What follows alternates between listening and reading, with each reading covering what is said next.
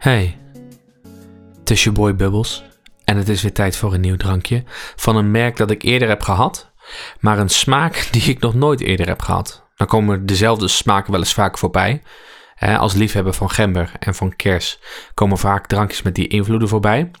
En eh, cola gerelateerd, eh, citroen gerelateerd, komt allemaal wel eens voorbij. Maar ehm, deze smaak, nee, die heb ik nog niet eerder gehad.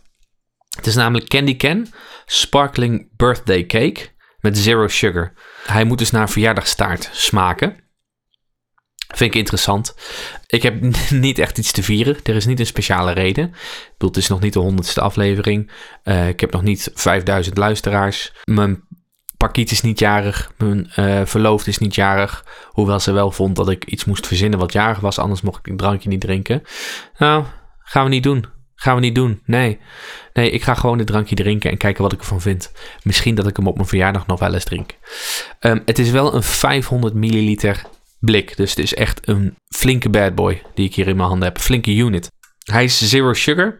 En het uiterlijk is natuurlijk super vrolijk. De bovenkant heeft slagroom en dan van die gekleurde hageltjes erop. Ik ben eigenlijk gewoon heel benieuwd. Ik ga hem eens openmaken.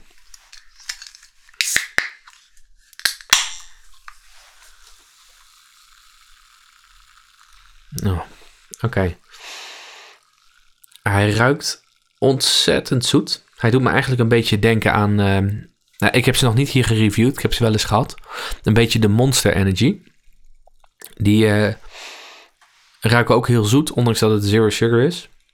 Um, ik verwacht dat je een beetje een soort van cream, vanille cream-achtige smaak erin hebt. Vanwege de slagroom. Misschien heb ik het mis. Ik ga eens een slokje nemen.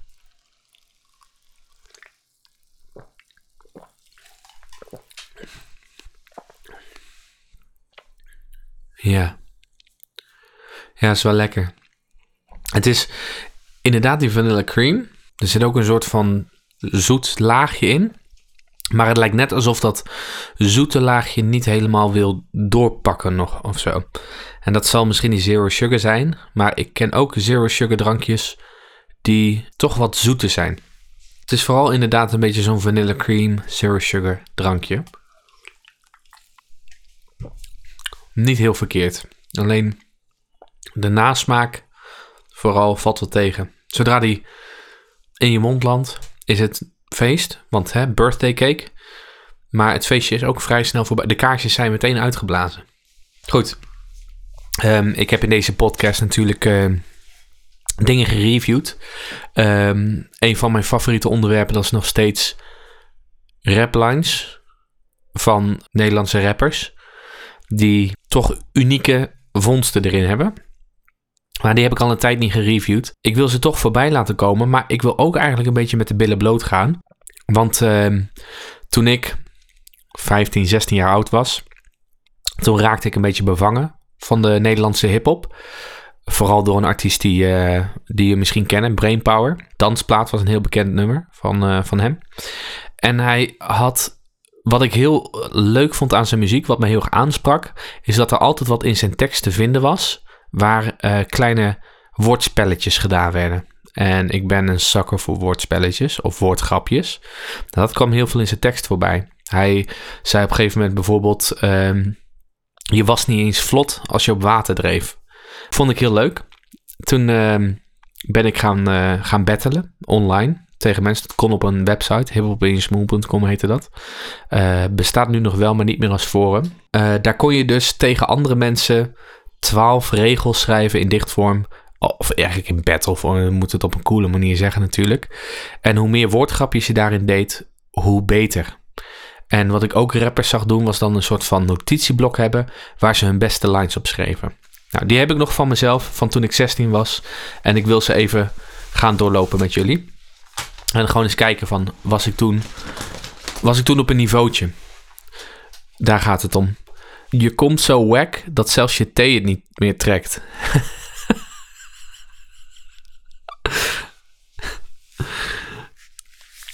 ik, uh, ik zat er bovenop op die leeftijd. er zitten ook een paar dingen bij die niet heel interessant zijn. Je zingt dieper dan de Titanic. Ja, ja, ja niet heel, uh, heel interessant Overigens, die eerste ook niet. Maar die is wel op een niveautje dat ik er ook wel weer een beetje om moet lachen. Je bent niet geskild als je moeder dat gezegd heeft. Jij bent de wond, ik ben wonder. Dat is een soort van overtreffende trapgrapje. Ik heb deze wel eens gebruikt in een, in een rap ding. Eh, jij komt met jaloezie als ik luxe en flex drop. het gaat over een luxe flex. Vond ik best aardig. Ik cruise als Tom. ik hang met matten. Sorry. Ik vind dat. Kijk, een beetje zelfspot is ook belangrijk. Hè? Ik kan makkelijk andere mensen belachelijk maken. Maar goed. Ik moet zelf ook wel eens uh, even gewoon uh, mijn roots blootgeven. En, en Je bent vlotter dan een benzineregelaar. ik weet nog dat ik voor die lijn. sorry. Ik weet nog dat ik voor die lijn naar mijn vader toe ben gegaan. En dacht, vlotter. Ja, vet. Dat is een beetje, hè, wat brainpower heeft. Je was niet vlot als je op water dreef. En dat ik toen aan mijn vader vroeg: uh, Pap, wat is een vlotter eigenlijk? En toen was mijn vader aan het uitleggen: Ja, is eigenlijk een soort benzineregelaar. Toen dacht Ja, vet. Vlotter dan een benzineregelaar. Heb ik hem meteen opgeschreven. Ik sta rood bij de bloedbank. Just plowing through this. Beter krijg je lepra, dan valt er heel wat van je af. kan eigenlijk niet. Zou ik nu niet meer schrijven. vind ik niet zo netjes. Excuses. Als vogels in hongerstaking. Ik pik het niet meer.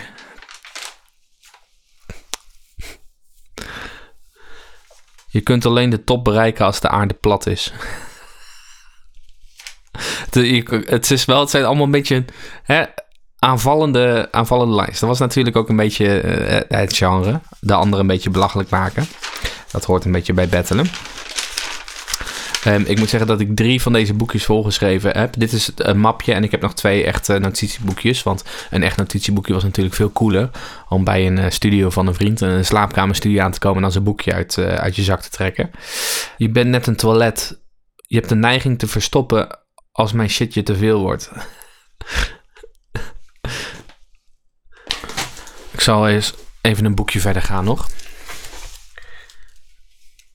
En bijvoorbeeld, ik heb hier staan, je hebt bellen blazen en je hebt decibellen. En als je dat samenvoegt, krijg je decibellen blazen. Op zich leuk, maar nu is bellen blazen niet heel cool als rapper. Tenminste, dat is niet iets waar je heel erg uh, uh, indruk mee maakt. Als je, als je het daarover hebt. Dus die, die komt dan niet echt aan. Een, een rapline, een lijn, zeg maar. Had ik, dit zijn die scheerlijnen, dude, want je valt erover best aardig. Ik wil, eindigen met... Uh, ik ben sick. Als een geitenbaard. Goed, ik hoop dat jullie even uh, hebben kunnen genieten van mijn uh, verleden.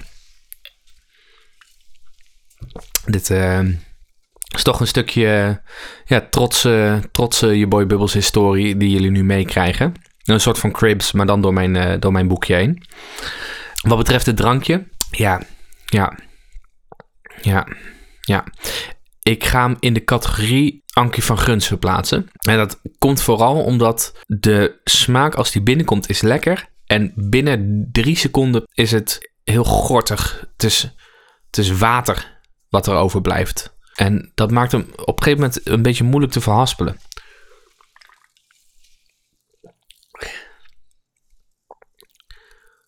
En dit is ook veel. Het is 500 milliliter. Daar kom ik niet zo snel doorheen. Dus ik ga even uh, versneld dit uh, opdrinken. Dan uh, ga ik de podcast denk ik promoten. Goed, we zijn hier even verder. Um, maar we zijn ook bij het punt om de podcast te promoten. Want hier bij je Boy Bubbles review ik frisdrankjes. Dat is het belangrijkste. Allemaal verschillende soorten. En ik vertel wat over mijn leven. over de wereld. Over... Ehm, nou mooie dingen die me overkomen. Of taxis. Um, vind je dit een leuke of interessante podcast? Deel het dan met vrienden, familie of mensen die toevallig op de dag van het uitkomen van deze podcast jarig zijn. Uh, want een birthday cake in podcastvorm sturen is natuurlijk het beste wat je kunt doen aan het einde van deze coronatijd, lijkt me. Ik heb nog een slokje overgelaten. Kan ik het laatste slokje nemen en daarna het blikje kraken. En het blikje kraken blijft natuurlijk een mooi moment. Zolang nu de statiegeld er nog niet op zit. Dus ik ga het blikje kraken. Pluspunten voor design overigens. Ik vind het een leuk blikje. Hij trekt aan.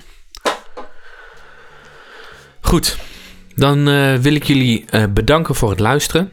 En dan hoop ik dat ik jullie een volgende keer weer spreek.